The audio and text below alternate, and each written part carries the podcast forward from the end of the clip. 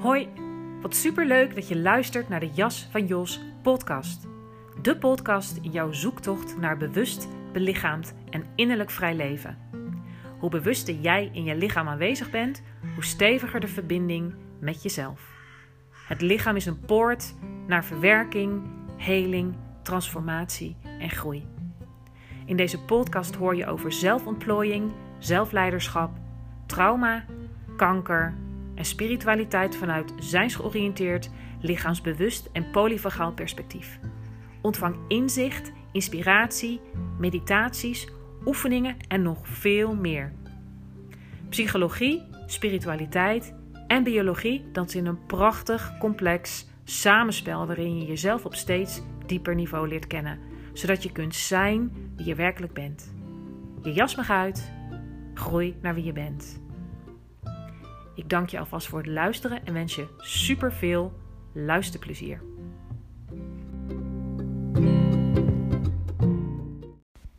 Hey hoi, leuk dat je er weer bent bij een nieuwe aflevering van de Jas van Jos podcast. En vandaag, ik vermoed een hele korte. Want ik wil eigenlijk één um, heel belangrijk ding met je delen. Wat eigenlijk te maken heeft met een soort hoor je mij niet vaak over. Daar heb ik ook een beetje een haat-liefde verhouding mee. Maar wat wel belangrijk is, en zeker in deze context, en um, dan heb ik het over een soort mindset shift. En um, wat ik daarmee bedoel is in dit geval uh, hoe je naar je innerlijke criticus kijkt. Dus dat is eigenlijk op, op uh, heel veel dingen, en zeker als het over innerlijk werk en innerlijke delen gaat, van toepassing. Ik wil het vandaag even toespitsen op de innerlijke criticus, omdat dat er eentje is die we allemaal kennen. Ook als je nog niet de wereld van persoonlijke groei, zelfontwikkeling, spirituele ontwikkeling en dergelijke bent ingedoken. Ook dan zal jij die kritische stem herkennen zal je er ongetwijfeld wel eens iets over gelezen hebben of gehoord. Uh, in de uh, overvloed aan podcasts die er tegenwoordig zijn, aan de boeken uh, die gaan over zelfontwikkeling en, enzovoorts. Um, en als dat niet zo is, dan zal je hem ook herkennen. Want om het even gechargeerd te zeggen, want vaak hebben we een. nou, dat is denk bij de meeste van ons wel zo een, een, een heel legertje aan innerlijke critici. Um, maar laten we hem nu voor het gemak even de innerlijke criticus noemen. En zonder heel veel uh, in te gaan op, uh, of diep in te gaan op de achtergronden daarvan, wat het eigenlijk is. Um, daar kan je verder in mijn podcast, nou, ik denk 100 afleveringen terug of zo, heb ik een hele rits over de innerlijke criticus. Ik zal daar ook nog wel in detail en in de diepte nog zeker wel eens op terugkomen. Um, maar wat ik merk is dat. Zeker in bepaalde kringen, zonder daar uh, veroordelend over te zijn, ik kan me voorstellen dat het een beetje zo klinkt, um, dat de criticus vooral wordt afgedaan als een, als een terrordeel, een innerlijke natie, een. Uh, hoe zeg je dat? Iemand die vooral de nek omgedraaid moet worden. Wat ook heel begrijpelijk is, want je hebt er ook wel degelijk last van. Want hè, de innerlijke criticus is eigenlijk de constante kritische stem die alles van jou onder een vergrootglas legt. Um, je gedrag, je gedachten, hoe je verschijnt aan de wereld, dus uiterlijk, capaciteiten, noem het maar op. En dat is helemaal gekoppeld aan jouw persoonlijke geschiedenis. Um, zeg maar hoe die uh, tevoorschijn komt. En het is ook wel degelijk zo dat het soms kan helpen om gewoon even te zeggen als je opmerkt: oké, nu even niet. Uh, hou even je mond, bij wijze van. Maar wat vaak toch wel, uh, dat is wat, wat, wat ik merk en um, wat gewoon niet helpt. Dat zeg ik uit persoonlijke ervaring maar, en, en vanuit mijn werk. Um, ook hoe we er in een zijnsoriëntatie naar kijken en mee omgaan. Ook vanuit de IFS, Internal Family Systems is het gewoon heel erg zinvol om als het ware vriendschap te sluiten met dit deel. Er nieuwsgierig naar te zijn. En um, dat je zeg maar niet hem te snel moet afdoen als ik heb er last van, wegdrukken die handel, uh, de nek omdraaien. Want als je dit gaat onderzoeken, en nogmaals, daar zal ik echt nog wel een keertje op terugkomen, omdat het gewoon heel interessant is om dit te snappen, hoe dit werkt. Um, en om daar gewoon meer achtergronden over te, te hebben. Maar die criticus, die is er eigenlijk om jou te helpen, om jou te beschermen. Daar is hij ooit ontstaan, om jou veilig te houden. En dat was toen, want dat kan je altijd terugvoeren op je kindertijd, um, nodig om je staande te kunnen houden in de wereld. He, dus vanaf de kindertijd, he, daar is het ontstaan. Um, en zo'n criticus groeit met je mee. Zo zou je het wel kunnen zien. Maar die is er om jou veilig te houden. Om jou te behoeden voor de pijn die je ooit gevoeld hebt, om het zo maar te zeggen. En kun je dus eigenlijk zien als een jong deel, als een beschermend deel. Die er is om jou te dienen. En vanuit de visie uh, en de gevoelens vanuit die criticus. Want je zou hem echt kunnen zien als een innerlijk deel, als een innerlijk wezen. Met een heel, hoe zeg je dat, een heel scala aan overtuigingen, denkbeelden, uh, pijn, een fysiek lichaam. Um, ja, nou, natuurlijk niet echt een fysiek lichaam, maar met een lichaam met gevoelens en emoties. En um, je, vaak, als die criticus actief is, dan kan je die voelen als uh, pijn in de nek, kramp in de nek, schouders, bovenrug. Dus die zit dan letterlijk op je nek. Um, maar als je hem zo benadert, zeg maar, als een deel van jou, die eigenlijk heel erg zijn best doet, of haar best doet, om jou te beschermen, dan wordt de relatie daarmee heel anders. En het is ook heel belangrijk om te weten dat ook die innerlijke criticus eigenlijk essentiële uh, kwaliteiten in zich draagt. Die als het ware wachten om tot uiting te komen, dus getransformeerd te worden. En wat er gebeurt als jij die criticus alleen maar wegduwt en uh, zegt het is slecht, ik ben last van en um, dat moet weg, dat moet weg, dan gaat de paradox in werking, zeg maar, waar je mij vaak over, over hoort. Dat wat je onderdrukt, dat wat er niet mag zijn, dat wat weg moet, vooral met kracht, dat zal aan je vast blijven kleven. Uh, en eigenlijk alleen maar harder gaan roepen. Dus wat die criticus nodig heeft, is dat jij geïnteresseerd bent, nieuwsgierig in wat hij nou eigenlijk, ja, waar hij bang voor is. Want vaak is hij eigenlijk vooral heel hard bezig, dus om kwetsbare delen, innerlijke kinderen, ballingen, weeskinderen, geef ze een naam, te beschermen. En als je dat weet, dan kan je eigenlijk zien dat hij eigenlijk een heel nobel streven heeft en een belangrijke taak, namelijk om jou veilig te houden. En om te voorkomen dat die gekwetste delen opnieuw gekwetst worden. Um, en er zijn allerlei manieren om zeg maar, daar losser van te komen. En wat ik in deze podcast wil delen, als jij bekend bent met de, met de innerlijke criticus, met perfectionisme, met zo'n innerlijke pusher van hard werken, altijd maar eh, beter je best doen en dat het nooit goed genoeg is.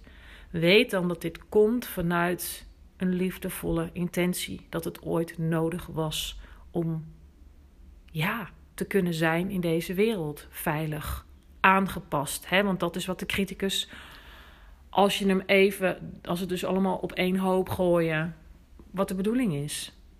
Wat die, waar hij zijn best voor doet. Dat je, dat je uh, geen relatieverlies leidt. Um, dat je vooral niet te veel voor jezelf opkomt. Um, hè, dat je vooral uh, hoe zeg je dat?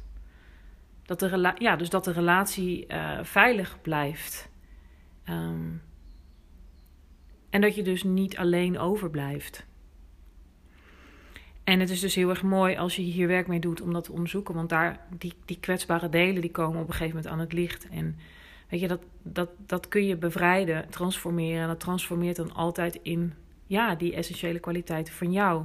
Maar dus belangrijk, ook al heb je er last van, jezelf te gunnen dat je er vanaf wil en tegelijkertijd dit te weten. Want dat zorgt ervoor dat jij, zeg maar, met een nieuwsgierige houding die criticus kan onderzoeken en, en, en er als het ware mee in gesprek kan. Zodat helder wordt wat hij nou eigenlijk doet, wat zijn ideologie is, waar hij nou zo hard zijn best voor doet. Dan kan dat op den duur verzachten. Dus die houding van ook compassie tegen zo'n, ten, ten opzichte van zo'n deel is gewoon hartstikke behulpzaam en belangrijk.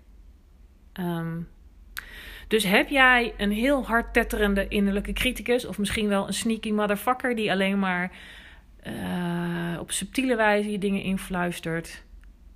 Weet dat je af en toe dat natuurlijk ook helemaal zat mag zijn. Dus belangrijk om jezelf dat allemaal te gunnen. Maar, en daarom neem ik deze podcast op, belangrijk om te weten um, dat nieuwsgierigheid in dit deel van jou, wat altijd een geïnternaliseerde stem is van bijvoorbeeld opvoeders, ouders, leraren, omgeving, cultuur, eh, ja, wat dan ook. Um, dat die stemmer dus is om jou veilig te houden. En ja, dus belangrijk ook om je verzet er tegen te gunnen. Maar als je dit weet, hè, en dat, dat is wat ik wilde zeggen. Het is ook een, ook een, een, een, eh, een kwestie van, van educatie. Als je dit weet, dat je af en toe ook daar geïnteresseerd in kan zijn. Van, oh ja, wat, waarom, wat, wat, wat zegt hij eigenlijk? En wat beschermt hij? En uh, dan, dan kan die grip op den duur verzachten. En kan het echt zo zijn, en dat heb je me vaker horen zeggen, volgens mij ook in de laatste aflevering dat de kwaliteiten van die criticus vrijkomen. En dat, het dan, dat de criticus transformeert in een soort bondgenoot. Een, een, een soort gezond geweten die, uh, ja, die je af en toe een vraag stelt of wat influistert. Um, en waar je ook mee in gesprek kan gaan op het moment dat hij weer te actief wordt. Dan is er vaak iets in het gedrang of is er iets wat, wat, wat, wat spannend is. Um, en die houding van nieuwsgierigheid en ook liefdevolheid tegen zo'n ding deel, wat echt kan voelen als een innerlijke terror, nazi, uh, uh, onderdrukker, um, is gewoon super behulpzaam. Want hoe, hoe strenger jij wordt en meer dat probeert te onderdrukken, hoe harder die zou roepen. Als het ware. Dus een houding van nieuwsgierigheid en vriendelijkheid, ook ten opzichte van je innerlijke criticus, is wat heel erg helpt. En dat voelt, en dat zal je misschien nu ook merken, dat het weerstand oproept dat het ergens contra-intuïtief voelt, maar onderzoek het eens. En als je dat doet, cultiveer je die houding van nieuwsgierigheid en vriendelijkheid. En hoe meer je dit doet, hoe meer dat ook gewoon in, in andere delen door zal sijpelen. Want het is gewoon heel erg behulpzaam om jezelf en alles wat je met je meedraagt, dus aan innerlijke delen, ook aan ja, weet ik veel, gedrag waar je bij jezelf een hekel aan hebt of wat dan ook. Om dat met nieuwsgierigheid en vriendelijkheid tegemoet te treden. En ja, dat is een uitdaging, ook voor mij nog steeds. Juist als je op dat pad van ontwikkeling bent en op een gegeven moment op een punt komt dat je denkt: Jezus, is dit nou nog steeds zo of is dit nou alweer zo? Weet dan dat je op steeds dieper niveau dat kan bevrijden en transformeren, uh, transformeren hele Ehm, en dat dat soms ook gewoon een soort gevoelige plek blijft waarop gedrukt kan worden. Wat sneller getriggerd wordt. Maar dat je jezelf hier heel goed kan begeleiden in de loop van de tijd. En uh, ja, dat is gewoon super mooi. Um, ik spreek vanuit mijn persoonlijke ervaring. Want uh, als er iemand is die een hele strenge criticus en een hele rits aan critici had en af en toe nog heeft, hè, dan ben ik het wel. Maar ik kan je met volle overtuiging zeggen dat je daar echt vrij van kan worden. En dat hij niet meer zo op je nek zit. Dat hij af en toe echt wel meekijkt. En ook bij mij. Zeker als het gaat om moederschap bijvoorbeeld. Um, met de zweep kan slaan. Maar die, die houding van nieuwsgierigheid en vriendelijkheid is wat gewoon enorm helpt. Om, ja, om onder de onderdrukking uit te komen en te snappen wat er is en dat natuurlijk altijd op een voelende manier. Dan zal je daar inzicht over krijgen wat je niet per se bedacht hebt, maar wat, wat je gewoon een hele hoop helderheid verschaft. En dat is echt wel heel erg fijn. Nou, uh, ik dacht eigenlijk vijf minuten. Ik zit alweer op 13 minuten, dus ik ga hem afronden. Ik hoop dat dit behulpzaam voor je is. Laat het me weten, want zoals altijd zeg ik, dat vind ik heel erg leuk. Um, wil je hiermee aan de slag? Je kan ontzettende mooie stappen zetten al in een paar sessies door gericht te werken aan, uh, hè, aan de relatie met die innerlijke criticus. En uh, ehm, zeg maar perfectionisme aankijken en al die dingen meer. Dus dan weet je waar je wezen moet. Nou, ik wens je een mooie dag en uh, tot later.